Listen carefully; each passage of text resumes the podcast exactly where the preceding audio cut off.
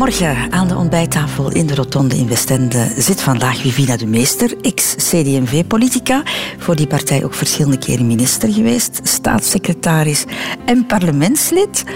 Dingen uit het verleden die ik nu opsom, uh, Vivina. Wat zou je er nog bijvoegen uit je huidige leven nu? op dit ogenblik ben ik nog uh, voorzitter van de Singel, van het Vlaams Architectuurinstituut. Ben ik nog lid van de Hoge Raad voor Financiën. Um, ben ik ook nog lid van, uh, vandaag noemt dat Lantis, vroeger noemde dat de BAM, uh, die de grote Oosterweelverbinding bouwt. Ik ben lid van de Raad van Bestuur.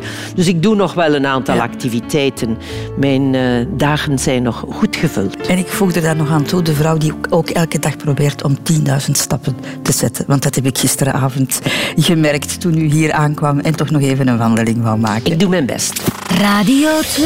De Rotonde met Christel van Dijk. Wij gaan vandaag twee uur lang terugblikken op uw leven, Vivina de Meeste. Vooral op de keuzes die u gemaakt hebt. Als je terugkijkt, um, zou je dan dingen op een andere manier aanpakken? Dat is uh, een redelijk moeilijke vraag, omdat ik nogal blij ben met alles wat ik gedaan heb. Als ik jong was, had ik andere plannen toen mijn man en ik nog niet getrouwd waren en samen op het boerenkot zaten, uh, landbouwkundige ingenieur studeerden, dan hadden wij de gedachte om naar ontwikkelingslanden te gaan. Maar tegen dat je dan beide bent afgestudeerd, zijn er zoveel dingen die al intussen veranderd zijn. En dat is dus niet gebeurd. Heb ik daar nu spijt van? Nee, want ik heb intussen ook vele andere dingen gedaan. Dus um, ik kan niet zeggen dat ik het anders zou georganiseerd hebben. En mijn man en ik zijn nu ongeveer uh, bijna 55 jaar getrouwd. Mm -hmm. Wij voelen ons nog altijd goed bij elkaar. Even beginnen uh, met jouw Wikipedia-pagina, Vivina de Meester. Je bent een, een, bekend persoon, dus je hebt er eentje, een uitgebreide zelfs, met heel veel uh, informatie erop, zoals dit onder meer. Wivina de Meester de Meijer, Aalst, 13 december 1943, is een Belgisch politica voor de CD&V. Dit gaat alleen maar over jou als, als, als publiek figuur. Dat ben je niet altijd geweest. Dus uh, een deel van het leven ontbreekt in die Wikipedia-pagina. Dus uh, Han Koeken heeft dat even rechtgetrokken. Wivina de Meester is geboren te Aalst op 13 december 1943. Ze groeide op als oudste van drie kinderen te Oudenaarde. Grote zus Wivina nam haar taak als oudste ter harte verzekert haar tien jaar jongere broer Arnoud en tevens rector aan de Universiteit van Singapore. Het beeld dat ik heb is het beeld van uh, dat jonge meisje dat eigenlijk wel zorg draagt voor mij. Dat, uh, uh, dat mij ook gedeeltelijk opvoedt.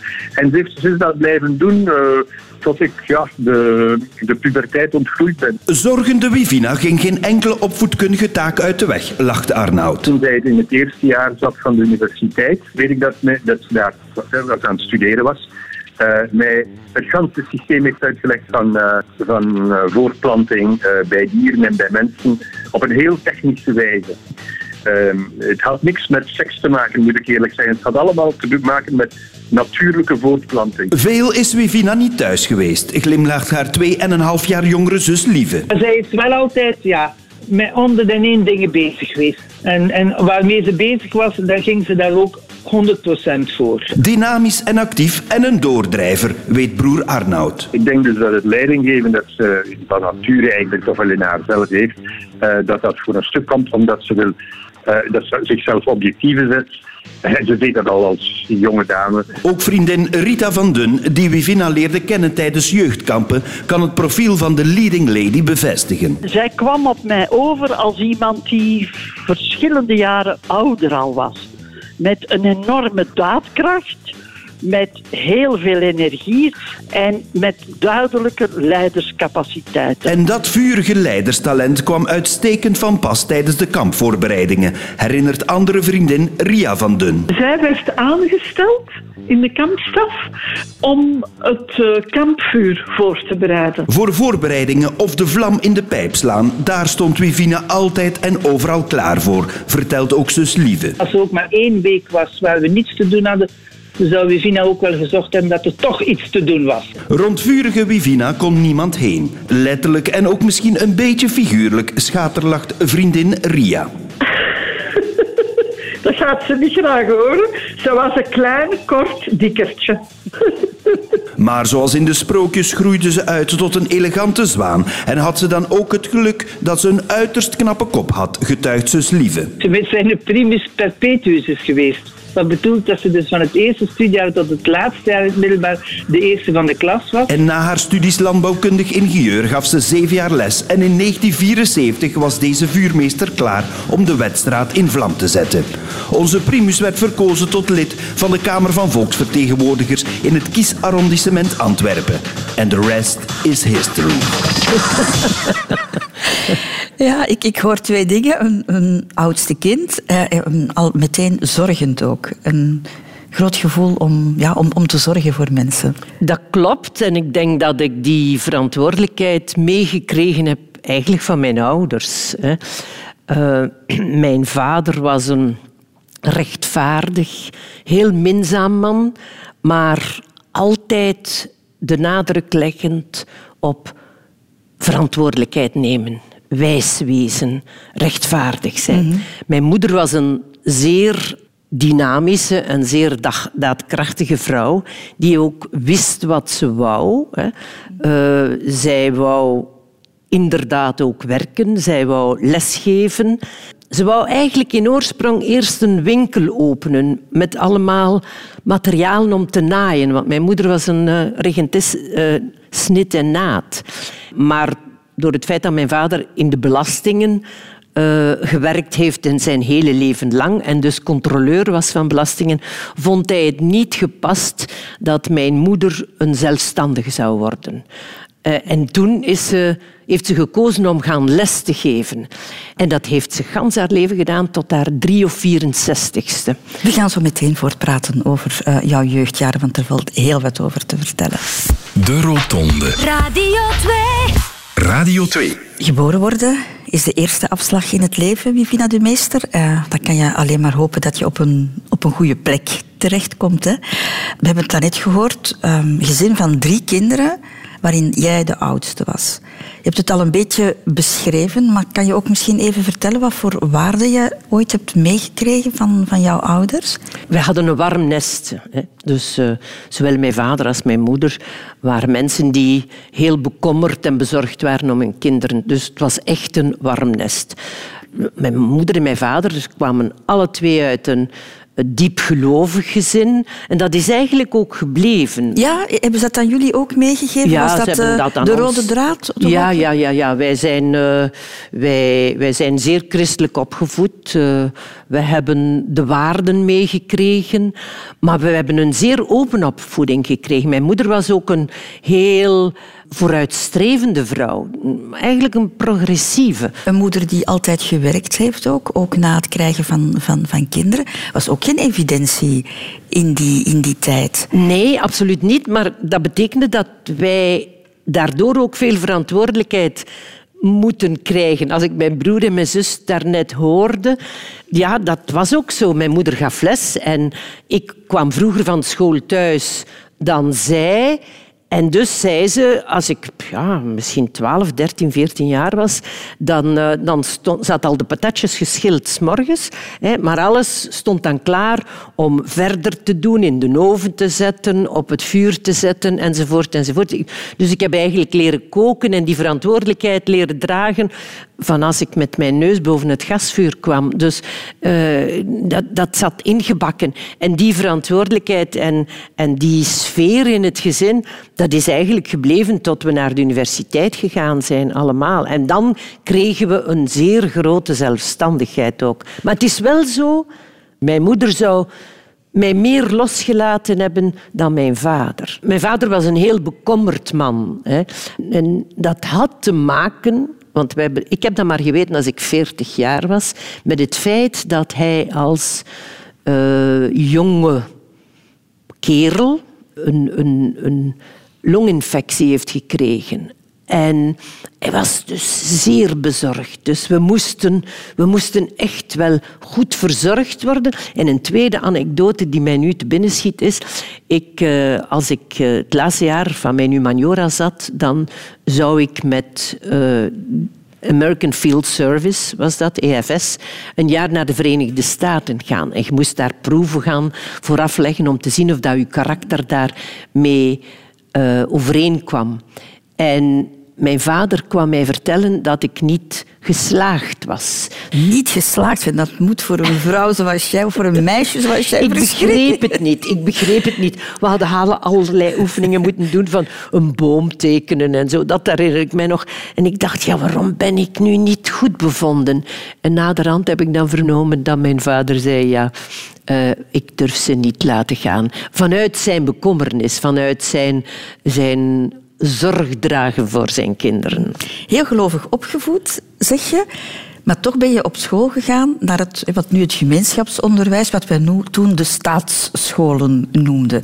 Niet echt een katholieke opvoeding op school. Nee, maar dat, dat was voor mij is dat mijn rijkdom geweest. Het was, had natuurlijk te maken met het feit dat mijn moeder les wou geven. En ze mocht toen als gehuwde vrouw geen les geven in het katholiek onderwijs. Getrouwde vrouwen konden geen les geven in het katholiek onderwijs. Dus ze solliciteerde voor het rijksonderwijs.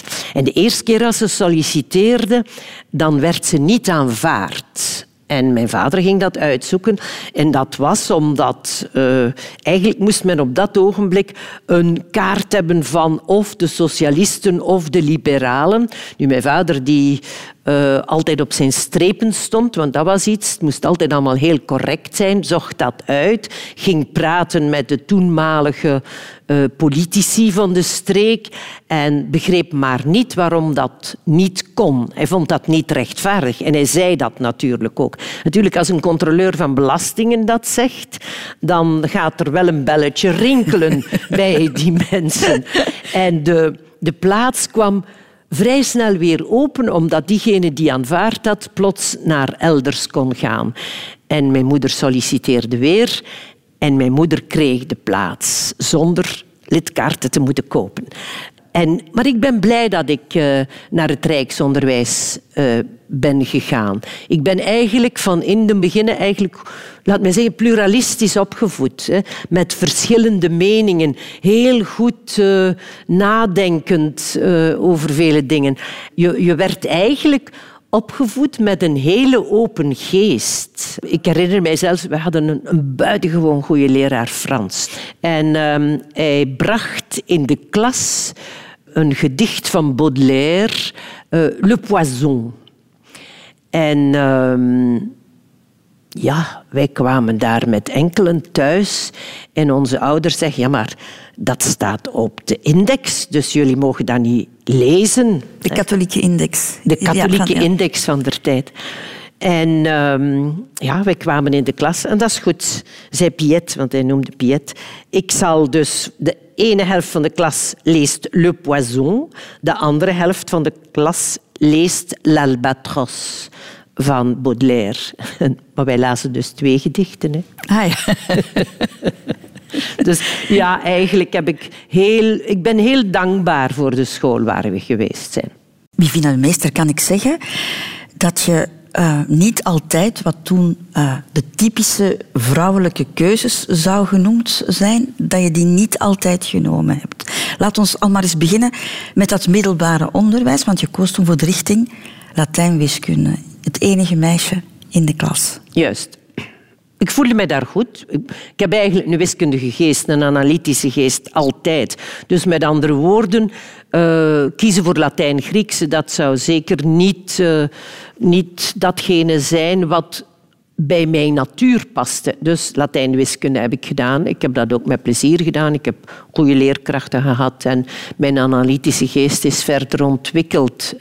In oorsprong wou ik eigenlijk, als ik naar de universiteit ging, wou ik geneeskunde gaan doen. Dat was het wat ik wou. Maar toen heeft mijn vader en mijn moeder mij overtuigd om dat niet te doen, omdat het uh, toch wel zeven jaar studie was. En ik zeg het, mijn vader was een bezorgd man en hij dacht, ja, als ik drie kinderen naar de universiteit moet laten gaan, dan, dan ga ik dat misschien eigenlijk niet aankunnen. Financieel bedoeld? Financieel, ja. Hij, mijn vader was, was te bezorgd. Hè.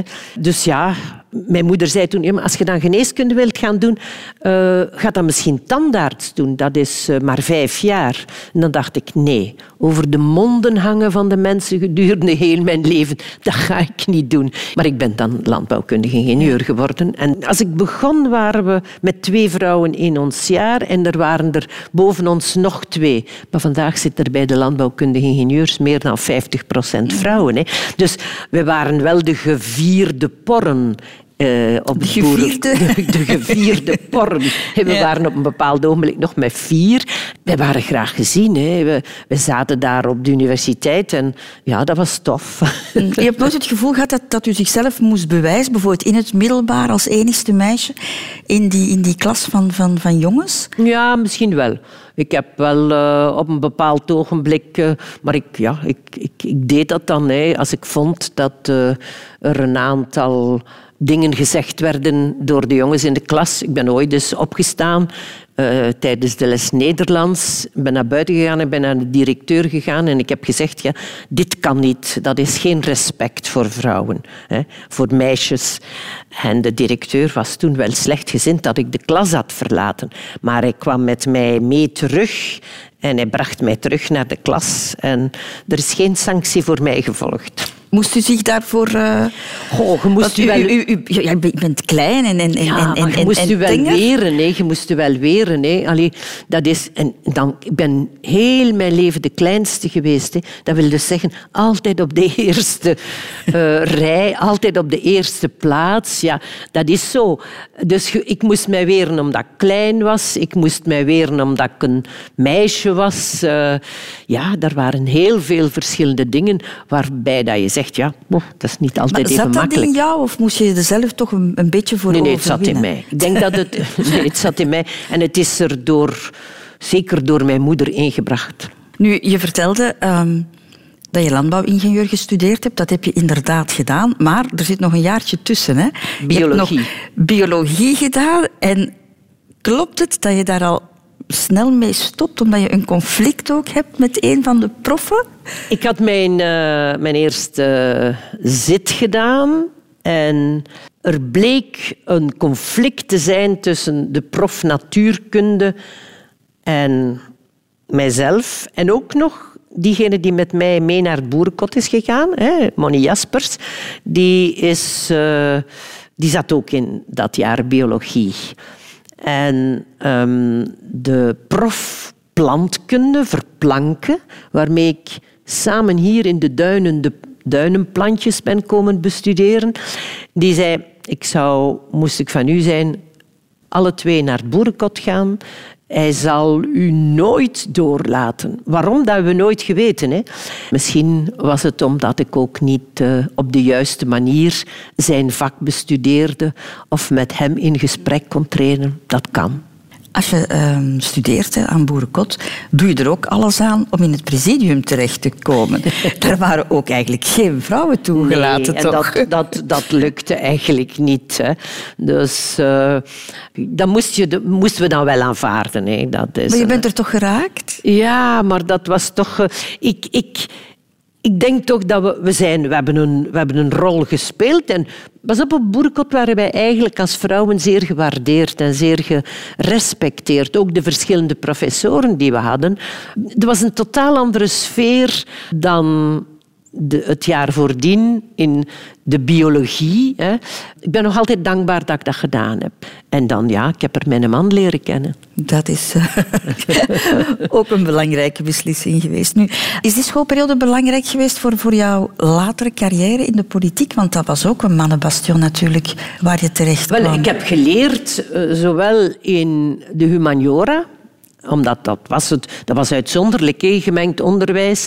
Ik heb geleerd in de humaniora en ook aan de universiteit om mijn mannetje te staan. En dat is iets wat ik in de politiek zeker kon gebruiken.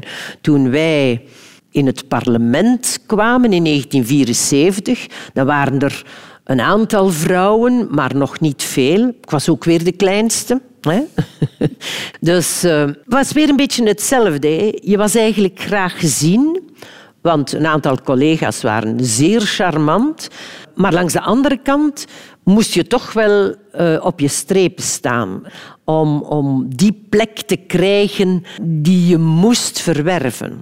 Trouwens, het is voor mij dat ze in het parlement het spreekgestoelte hebben uh, naar boven en naar beneden laten gaan. Want anders kwam ik er bijna niet bovenuit. ja, en dus dan hebben ze dat gedaan. Hebben ze, zo een, uh, ze hebben dat, dat her bouwt, denk ik, zodanig dat uh, dat ook een beetje naar beneden kon gaan. Mm, maar sommigen zagen jou niet staan, hè? spraken niet tegen jou. Van oh, een boeinans bijvoorbeeld? Nee, nee, nee. Dat was iemand die inderdaad niet direct uh, veel interesse had voor vrouwen. Zeker niet voor vrouwelijke collega's. Die nuance is er wel, ja. De grootste familie. Radio 2. De keuze voor het engagement, Vivina de Meester. Uh, kan ik zeggen dat dat al in jouw middelbare school begonnen is? Want jij deed toen al heel veel vrijwilligerswerk, hè? Ja. Ik heb eigenlijk ben aan vrijwilligerswerk begonnen door lid te worden van de gidsen, de scoutsbeweging. En ook dat was een heel speciaal gegeven. Wij hadden, toen ik twaalf jaar was, hadden we geen uh, jeugdbeweging, behalve KSA en VKSJ. En ik wou naar de VKSJ gaan, maar gezien ik niet naar het katholiek onderwijs ging, kon ik daar niet binnen. Gelukkig, als ik veertien uh, werd, dan kwam er een nieuwe scoutsbeweging, gidsenbeweging, en ben ik lid geworden van die gidsbeweging. En van toen af aan heb ik vrijwilligerswerk gedaan. En dat was vrijwilligerswerk om uh, families te bezoeken met kinderen met een beperking. Maar ik besefte toen ook nog niet zo goed wat dit allemaal betekende of zou betekenen voor mij. En ja, ik, heb dat, ik ben dat eigenlijk gans mijn leven blijven doen. Nu, dat engagement is een soort van levensdoel geworden dan, ja. na de geboorte van Steven. van Steven, jullie eerste zoon, geboren met het uh, syndroom, van, Down. Ja. Dat was een enorme klop voor mij. Dat... Uh, je verwacht het niet. Hè. Je, als, je, als een kind geboren wordt, dan denk je zo... Heeft het al zijn vingertjes? Heeft het al zijn teentjes? Hè? Uh, bij wijze van spreken. Is het, is het goed? Ja, en het was goed. Maar toch zag ik in de blik van de arts iets wat niet klopte. En... Uh, alle kamers lagen vol. Ik had geen kamer alleen. En de arts hoorde ik tegen de verpleegster zeggen... Zorg ervoor dat mevrouw een kamer alleen heeft. Het was een prachtig kind. Maar als je dat niet kent, dan eh, weet je dat niet. Ja, en toen kwam de kinderarts. En de kinderarts was trouwens ook een, uh, een familievriend van mijn echtgenoot. En ja, wij zagen die proeven doen, de stapproef. Hè, zo. En dat kon hij niet. En ja, toen kwam hij met het, de boodschap, ja, je zult wellicht uw zoontje niet thuis kunnen houden, want het heeft een zware beperking. Enfin, het eerste wat ik toen bij mezelf gedacht heb, uh, naar een instelling gaan nooit. Hè, in de zin van, uh, wij gaan die zeker en vast kunnen uh, opvangen. Je begint dus te lezen. Je had toen niet zoveel mogelijkheden. Hè. Dat was dan, ik weet niet welke boeken. Maar je, wist wel wat het was, het, het syndroom? Nee, niet als, ik, niet, niet als die geboren was. We zijn gaan zoeken in encyclopedieën en al wat je maar vond. En we hebben ons daar dan een beetje laten voorlichten door de kinderarts. En van toen af heb ik gezegd, ja, dit, dit, dit ook voor mijzelf, dit is dit kan niet. Hè. Mensen moeten direct kunnen verteld worden wat de mogelijkheden en de beperkingen zijn. Maar goed, ik heb wel uh, zes maanden getreurd. Hè, in de zin van, boe, dat gevecht... Uh, kan ik dat leveren? Moet ik dat leveren? En, en toen heeft mijn man op een bepaald ogenblik gezegd... Kijk, nu is het genoeg. Nu gaan we daar niet meer over treuren. Nu gaan we dat omkeren. Dus uh, een beetje uh, a crisis is an opportunity. Je moet met een crisis leren omgaan. We gaan dat omkeren. En toen zijn we beginnen gaan nadenken. Wat kunnen we doen? We hebben ouders eh, die in dezelfde situatie zaten. Hebben we uh, aangesproken. En dan zie je dat er meerdere zijn. Ook zelfs onder, niet onder vrienden direct, maar toch mensen die je goed kent. En van daaruit is dan de Hanse idee van monnikenheide ontstaan. Uh, ja, Monnikenheide is uh, begeleid wonen. Hè, voor, uh... Monnikenheide is een centrum voor personen met een beperking. En op dit ogenblik uh, is in der tijd, als we dat oprichten, was dat een kort verblijfscentrum. Dus in de geest van je moet je kind kunnen thuis blijven opvoeden, maar het moet eens kunnen voor veertien dagen, drie weken of een maand naar een kort verblijfscentrum gaan, zodanig dat de ouders dus tot rust kunnen komen. Mm U hebt aan die kinderen gedacht, hè? Is er ook aan, aan jou gedacht? Heeft er iemand zorg gedragen voor, voor jou in die, in die uh, rouwperiode? Mijn man. We hebben dat samen gedaan. We hebben ook gezocht naar mensen met wie we konden praten, maar toch niet zoveel hoor. Maar we hadden goede vrienden. Hè? Dus allez, leg je hoofd maar op mijn schouder. Hè? Dat, dat, dat, we hadden goede vrienden waarmee je kon praten, waarmee je inderdaad eh, door het leven kon trekken. We hadden een hele goede vriend, uh, Pater Dominicaan, Pater Flamé, Stef Flamé. En uh, gelijk dat hij graag s'avonds bij ons in Gent eens binnenkwam tegen het avondmaal en dan mee kon aanschuiven aan de tafel, uh, konden we eigenlijk bij hem ook terecht. En ik herinner mij zelfs als hij helemaal in de beginnen bij ons kwam, als Steven geboren was, kort daarna, toen zei Wiefke, want dat was mijn, uh, mijn naam voor de vertrouwelingen, je zult ooit nog blij zijn om de geboorte van Steven. Op dat ogenblik begreep ik dat niet. Later heb ik dat begrepen. In welke zin? Wel, we hebben eigenlijk heel veel kunnen realiseren hè, uh, door het feit dat we Monnikenheide hebben opgericht.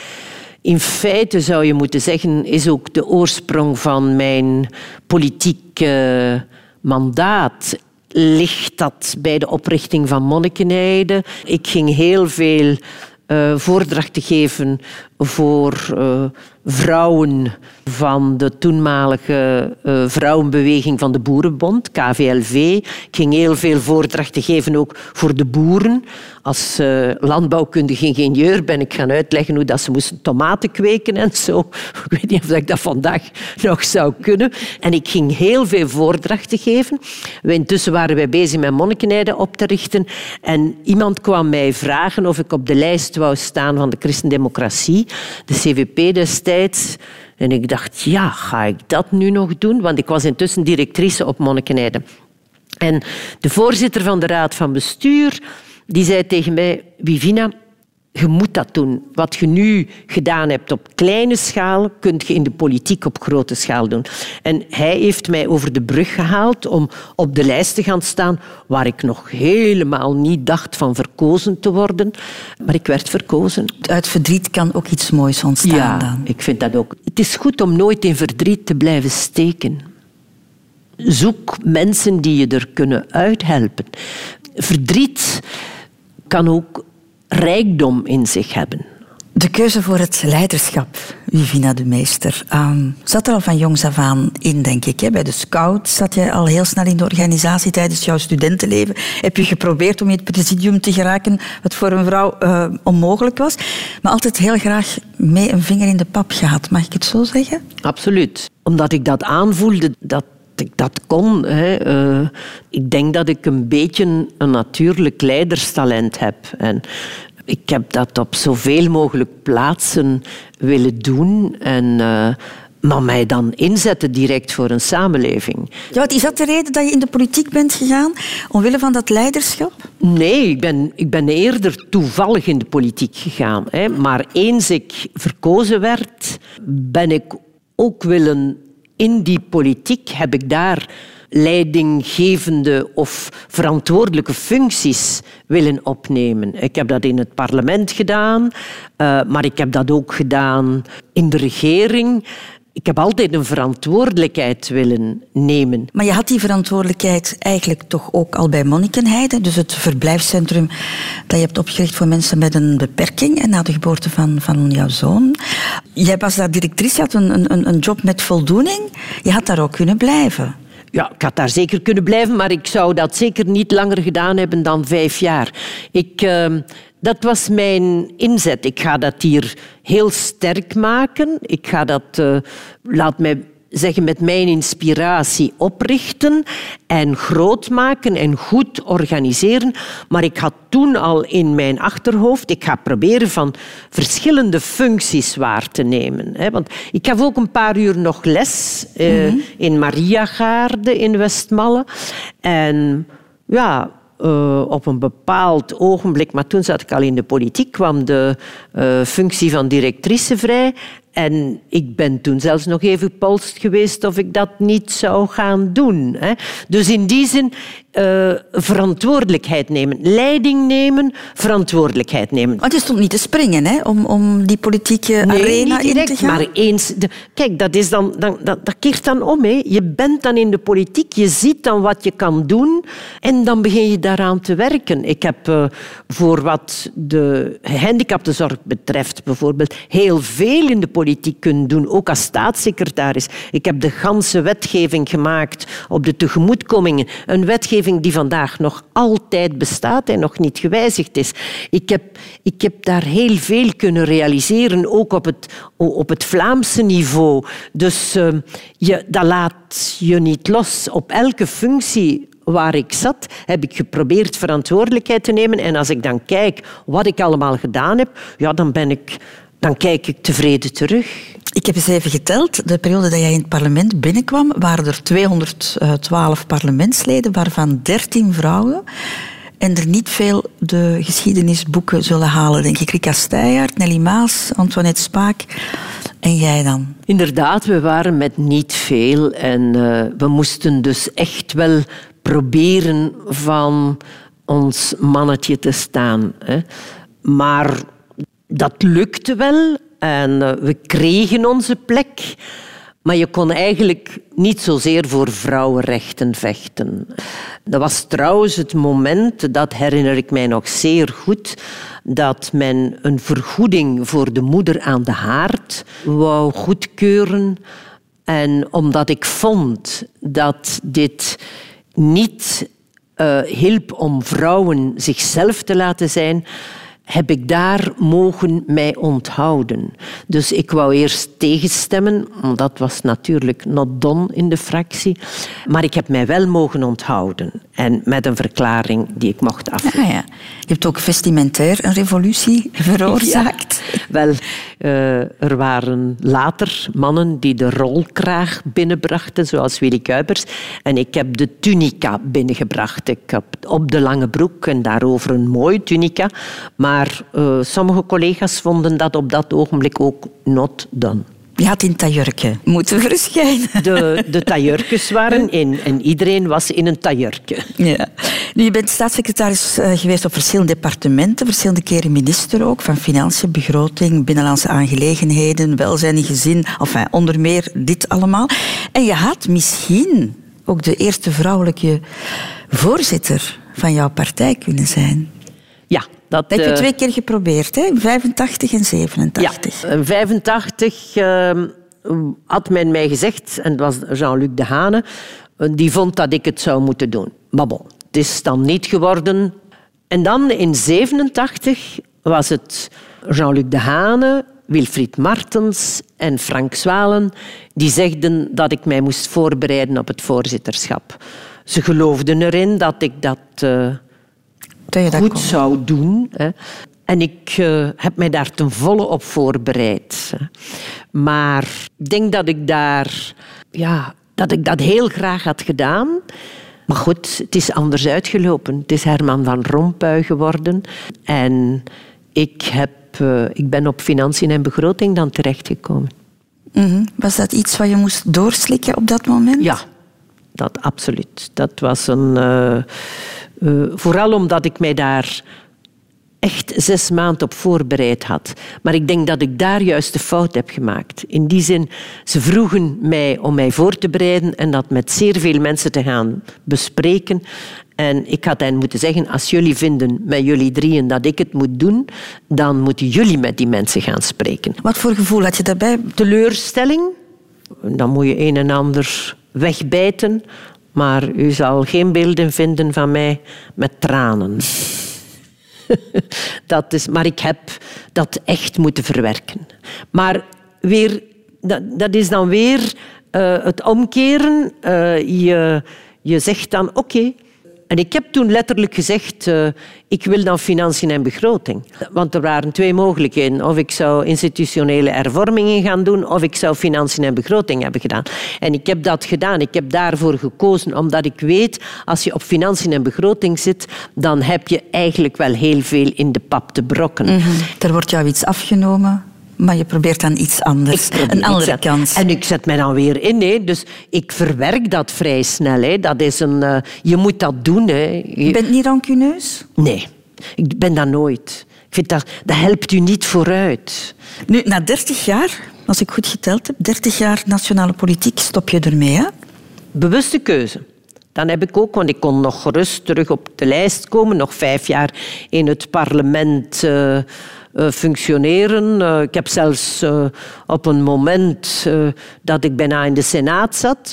Maar ik heb dat bewust gekozen om niet meer na 30 jaar. Ik vond, ik wou nog eens iets anders gaan doen, iets nieuws gaan doen. Het is dan allemaal wel, laat mij zeggen, op de rand van de politiek geweest, want ik ben aangesteld als onderhandelaar voor de verdieping van de Westerschelde.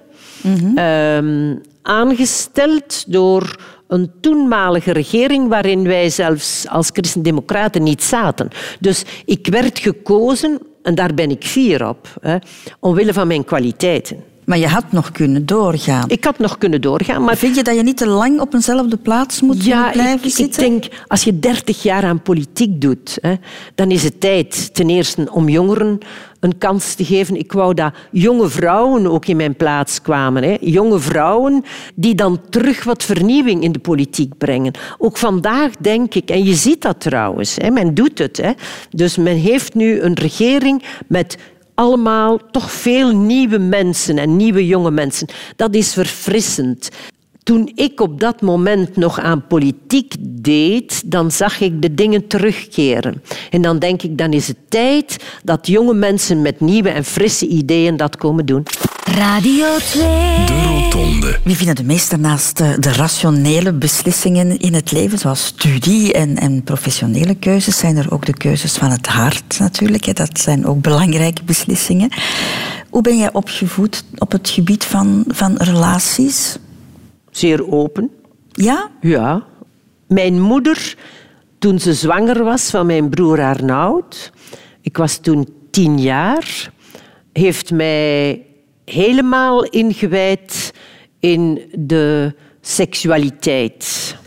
Op tien jaar, dat is vroeg voor die tijd, denk ik. Hè? Voor die tijd was dat heel vroeg. Heeft ze mij alles uitgelegd. Misschien ook redelijk technisch. Hè? uh, maar wij, wij werden open opgevoed. Maar dat waren echte kalverliefdes, zoals men dat toen destijds noemde. En dat vertelde ik niet aan mijn moeder. En mijn moeder zou wellicht mij daarin niet gesteund hebben. Hè. We waren vrij opgevoed, maar alles bij tijd en stond. Ben je opgevoed volgens de traditionele, strikte katholieke leer wat seksualiteit betreft? Eigenlijk wel. Want, Voorbeeldsmiddelen voor, voorhuwelijkse ja, betrekkingen? Ja, ja wij, wij hadden geen voorhuwelijkse betrekkingen. Ik was nog maagd toen ik huwde. Maar dat was toch op dat ogenblik ja, nog redelijk normaal, denk ik. Uh, we zijn getrouwd in 66 en we kenden elkaar vier jaar, dus 62 was toch nog de periode dat voorhuwelijkse betrekkingen not done waren in onze families. Je bent wel veranderd dan op dat gebied, want heb jij ook niet het woord condoom binnen, binnen de partij ingang doen vinden? Ja, maar... Dat dat uitgesproken mocht en moest worden? Uiteraard, als wij met de AIDS-problematiek zaten, kon het niet anders. Hè? De, de leuze was heel duidelijk. Of je beperkt je tot één partner, of je gebruikt een condoom. En ik heb uh, vele collega's in mijn partij dat woord leren gebruiken zonder rood te worden. een van de collega's heb ik toegezegd, s morgens voor jouw spiegel staan en het woord drie keer na elkaar uitspreken. Condoom, condoom, condoom. Zonder rood te worden. oh, dat is wel geestig. Um, je hebt je man leren kennen op de universiteit, hè? Ja. Jullie waren allebei nog jong. Ik dacht dat, dat jij een jaar of twintig was. Ik was 18, 19. Hebben wij elkaar leren kennen. En mijn man, mijn man is 2,5 eh, jaar ouder dan ik. Ja, en we hebben elkaar leren kennen en afgesproken dat we met elkaar zouden trouw zijn aan elkaar toen we naar een bedevaart gingen in Oostakker. En dat, is symboliek. Ja, Daar zijn jullie eigenlijk al symbolisch getrouwd, bij wijze van spreken. Bij, die, in gedachten hadden wij toen voor elkaar gekozen en dan zijn wij blij mm. bij elkaar gebleven en tot vandaag. En getrouwd terwijl je nog studeerde? En getrouwd terwijl ik studeerde.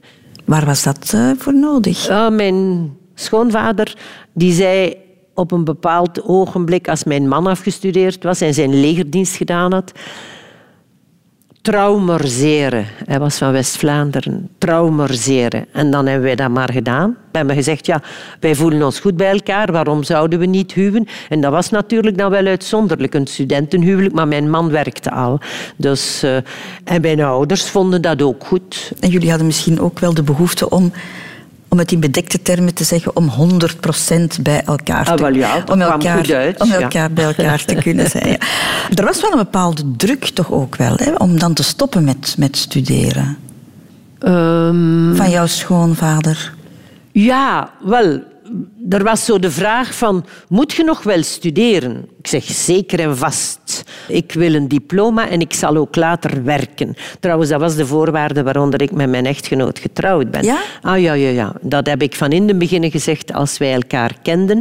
En dan heb ik gezegd, kijk, ik zal werken. Ik ga geen moment thuis blijven. En ik heb dat ook nooit gedaan. Mocht uh, hij daarin uh, in tegengestribbeld hebben, was het dan een no-go voor, voor dat jou zou geweest? een no-go geweest zijn voor mij. Absoluut. Ik had vooraf een relatie die een fijne relatie was, maar waar inderdaad de boodschap was ik zal genoeg verdienen voor het gezin. En dan heb ik gezegd, nee, dit gaat niet. Nu, ik, ik, ik heb jou leren kennen uh, als een vrouw die haar eigen weg uh, altijd gekozen heeft. Hè. Mm -hmm. um, waarom heb je dan eigenlijk jouw eigen naam niet behouden? Op dat ogenblik was dat als ik in de politiek ging, waren wij een beetje gekend als Paul en Wivina de Meester die Monnikenijde hadden opgericht. Dus als je dat beetje bekendheid wou behouden, ja, moest ik het onder die naam doen. Nu, naderhand heb ik altijd gezegd... Uh, de meester heb ik van mijn man, de meijer heb ik van mijn vader. Er is eigenlijk maar één naam die de mijne is, dat is Wivina. En ik weet niet of je het weet, maar Angela Merkel die heeft de naam van haar eerste man. Mm -hmm. En ze heeft ook die behouden. Dus zelfs niet... Uh, het is de naam van haar eerste man. Ik weet eigenlijk niet hoe ze noemt. Maar je moet op een bepaald ogenblik in de politiek kiezen. Hè. En als je gekozen bent onder Wivina de Meester... Ik heb dat altijd meegenomen als Wivina de Meester de Meijer. Maar uiteindelijk zeg ik vandaag, ik ben Wivina de Meester. Dus het heeft niets te maken met... Uh, vrouw zijn en op je strepen staan. Nee, het heeft te maken met het feit hoe ben je gekend. En, en dat is natuurlijk belangrijk. Je hebt gekozen voor, voor kinderen, Vivina de Meester. Was dat al snel een uitgemaakte zaak? Ja. Voor jou dat... Ja, ja. oké. Okay. Ik moet mijn vraag zelfs niet afmaken. Dat was zeer duidelijk. En ook uh, mijn man. En eigenlijk uh, hebben Paul en ik beslist van we gaan voor vier kinderen. Dat was meteen duidelijk. Ja, dat was zo. En dat was bij mij eigenlijk al als ik 14, 15 jaar was. Waarom? Dat weet ik ook niet. Dus uh, wij wilden vier kinderen. We hebben dan toch wel tegenslagen gekend. Hè? De oudste, maar waar we nog altijd heel blij mee zijn. Dan twee flinke zonen en dan een doodgeboren dochter, maar volledig voldragen. Maar dus de laatste twee, drie dagen is ze gestorven toen ze nog in, mij, uh, in, in, in mijn lichaam was. Als ik mij omdraaide, voelde ik dat het, dat het gestorven was. Ik voelde dat. Dus ik ging in de zetel liggen en ik draaide mij om. Ik zei tegen mijn man, er is iets dat niet klopt. Ik voel dat er iets niet meer leeft. We zijn naar de dokter gegaan en hij heeft gezegd, inderdaad, dat is zo. Dit was voor mij ook een hele zware, uh, een zwaar moment. Heel zwaar. Ik heb denk ik nog langer getreurd om een doodgeboren dochter dan om Steven. Omdat voor Steven moest je onmiddellijk zorgen. Je had, je had dat gevoel van een, een kind dat je moest verzorgen. En, en dat was warm. En, en er was niets meer. Hè? Dus was gestorven. En het was niets meer. Dat was heel moeilijk voor mij. Zeer. Maar we hebben dan een jaar later, denk ik, of vrij snel, nee, toch sneller, hebben we beslist om te adopteren. Ik uh, ben daar nog altijd blij om. Dat is zeer goed geweest. Een Indische dochter uit Bangalore, Badravati. Um, we hebben daar ook twee jaar moeten op wachten. Um, ongeveer, nee, geen volle twee jaar, maar toch bijna. En ik heb dat beschouwd ook als een vorm van een zwangerschap. Mm En dus uh, zij is bij ons gekomen op het moment dat ik verkozen was. Dat was van timing gesproken. Van timing gesproken. ging de meest drukke periode van je leven in en, en daar komt dan nog een, nog een, uh, nog een vierde... En ze is uh, mooi opengebloeid. Ze was heel graag gezien ook door haar broers. Ze is opgegroeid met haar broers. Uh, ze heeft ook gestudeerd. Uh, ze heeft expeditie gedaan, een A1-diploma en ze werkt ook. Een vierde zwangerschap zag je niet meer zitten? Nee. Omdat, ja, eigenlijk waren twee van de vier zwangerschappen. Ik heb ooit, uh, ooit, ooit nog een miskraam gehad, maar dat is iets dat, dat, dat is niet zo Allee, dat overkomt veel vrouwen ook. Ja, dat is, maar zo, dan zag ik het, nee. Ik uh, ben toen trouwens gaan babbelen met uh, Herman van den Bergen, de geneticus uit Leuven, met wie ik intussen bevriend was. En uh, ja, uit dat gesprek bleek ook dat het uh, misschien niet meer aangewezen was. Je kon dat vroeger genetisch niet bepalen. Hè. Dus ik, ik kom nog uit de periode, ik weet dat mijn gynaecoloog zei, als je wil kan je een punctie doen. Maar een punctie was toen, bij die laatste zwangerschap, eigenlijk gevaarlijk. Hè. Uh, en ik heb toen gezegd, dat weet ik, mijn man en ik hebben daar toen over gesproken, hebben toen ook gezegd, kijk, zelfs als het een opnieuw een gehandicapt kind zou, zou zijn, zouden we toch niet, uh, geen abortus plegen. Dus we hebben gezegd, we gaan die punctie niet doen. En ik heb daar ook geen spijt van dat we dat niet gedaan hebben. Maar het is doodgeboren. Maar het, het voelde wel aan alsof het gezin nog niet compleet was. Dat dat vierde kind ja, moest er... Wij wilden dat. Wij hadden dat. En wij, wij hebben daar nooit samen meningsverschillen over gehad. Als we daarover beginnen praten zijn, hebben we dat samen beslist. Ik kan mij geen moment herinneren. Uh, mijn schoonvader die zei, uh, je moet dat niet doen. je gezin is af. Maar hij, hij, heeft de kleindochter, zijn kleindochter Ineke, bijzonder graag gezien. Dus, uh, maar hij zei, je moet dat niet doen. Maar mijn man en ik zeiden, wij zullen dat doen. En was het belangrijk dat het een meisje was? Ja, dan hebben we, als we dan konden kiezen, hebben we gezegd, nu willen we er wel een meisje bij. Ah ja. ja, ja. En op dat ogenblik was dat inderdaad iets wat je kon kiezen. Heel veel koppels zouden zoiets niet overleven, denk ik, Wivina. Hoe bedoel je? Eerst een zoon met, met, met een beperking, dan een, een, een niet levensvatbaar kind. Al dat verdriet.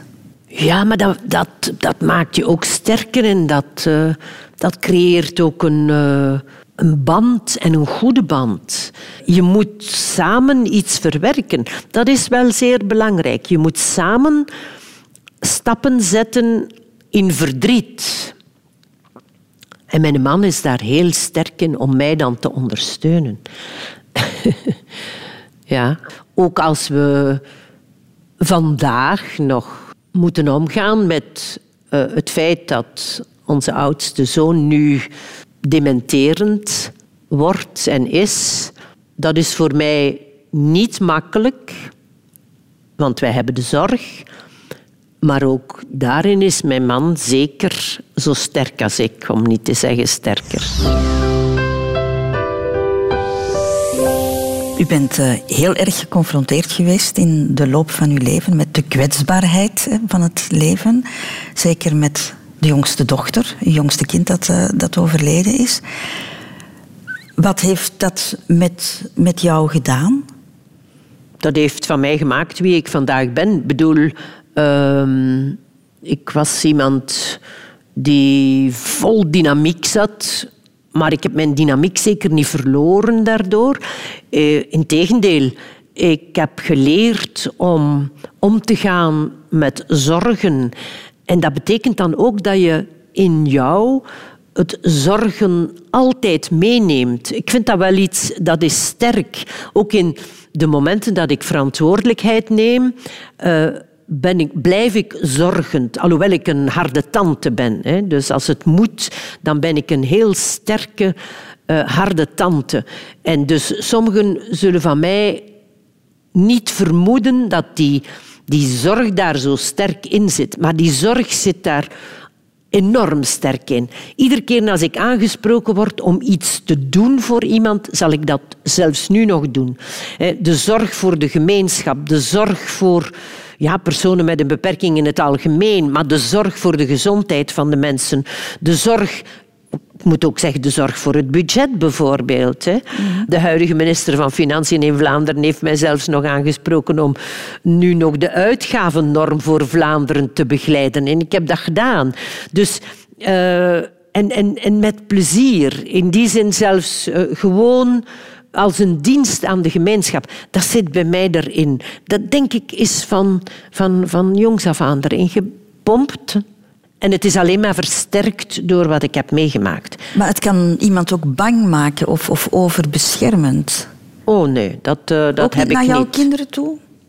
Nee, ja, ik ben natuurlijk bekommerd. En uh, uh, ik ben zeer bekommerd om mijn kinderen en ik hoop dat ze het altijd allemaal goed zullen stellen. En wij hebben contact over de wereld, want ik heb een kleindochter in Seattle, een kleindochter in San Diego, mijn zoon en zijn vrouw in, ook in Singapore. Dus met andere woorden, één in Brussel, één in Gent. Ik hoop dat ik voldoende contact met hen kan behouden om die zorg die natuurlijk van ver af is, om die zorg op een of andere manier die in mij zit te kunnen uiten. Maar ja, het zijn allemaal volwassenen. Het zijn allemaal volwassen kleinkinderen. De jongste is 18. Dus eigenlijk hoeven ze met hun moeder of hun oma geen rekening te houden. Hè. Heeft, heeft het geloof jou geholpen in het leven om, om dingen te aanvaarden? Ik ben nog altijd gelovig. En ik zou zeggen, in moeilijke omstandigheden heb ik mijn manier van bidden. Bidden, praten met God, maar waarvan ik weet dat hij er wellicht niet is. Of praten met Jezus Christus, waarvan ik weet dat hij mij graag ziet. Maar dat is een vorm, laat het mij zeggen, dat is een zeer goede vorm van mediteren in een grote stad rondlopen, kilometers stappen en nadenken. Dat is voor mij zeer goed. En dan het gesprek te voeren. Ik ga nog regelmatig naar een dienst, dus op zondag, maar niet elke zondag. Voor mij is dat nog een gemeenschap waartoe ik behoor. En ik voel mij goed wanneer ik met mensen daar ook over kan praten. Maar ik heb evenveel respect voor diegenen die niet geloven of geloven in een andere godsdienst, de welke het ook is. uh, als zij maar openstaan ook voor mij. Want dat is belangrijk, dat we open blijven staan voor elkaar. Helpt het geloof om, om, om je eigen dood te aanvaarden?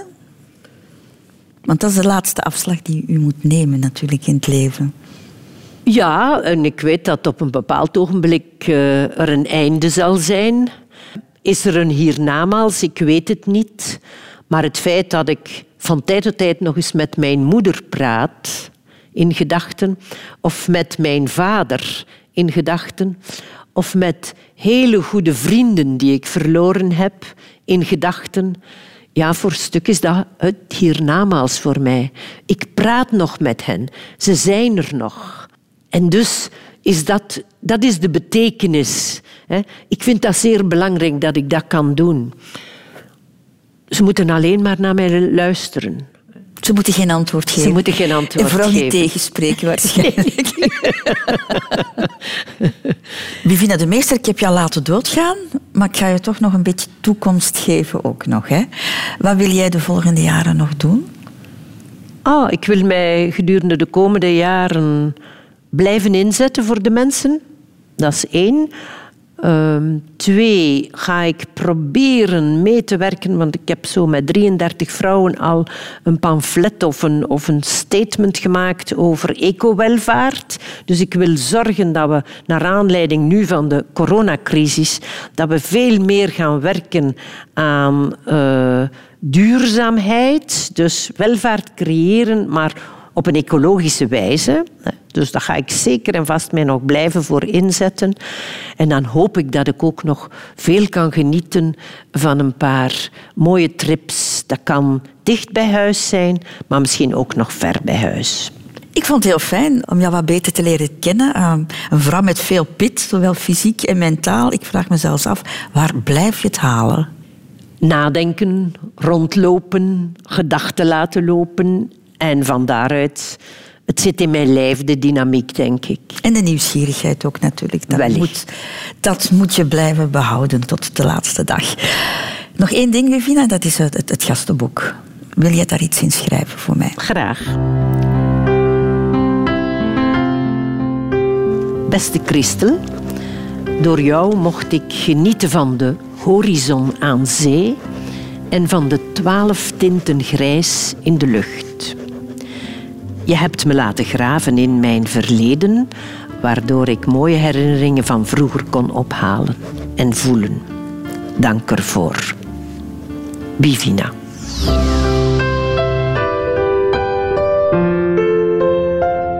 Radio 2.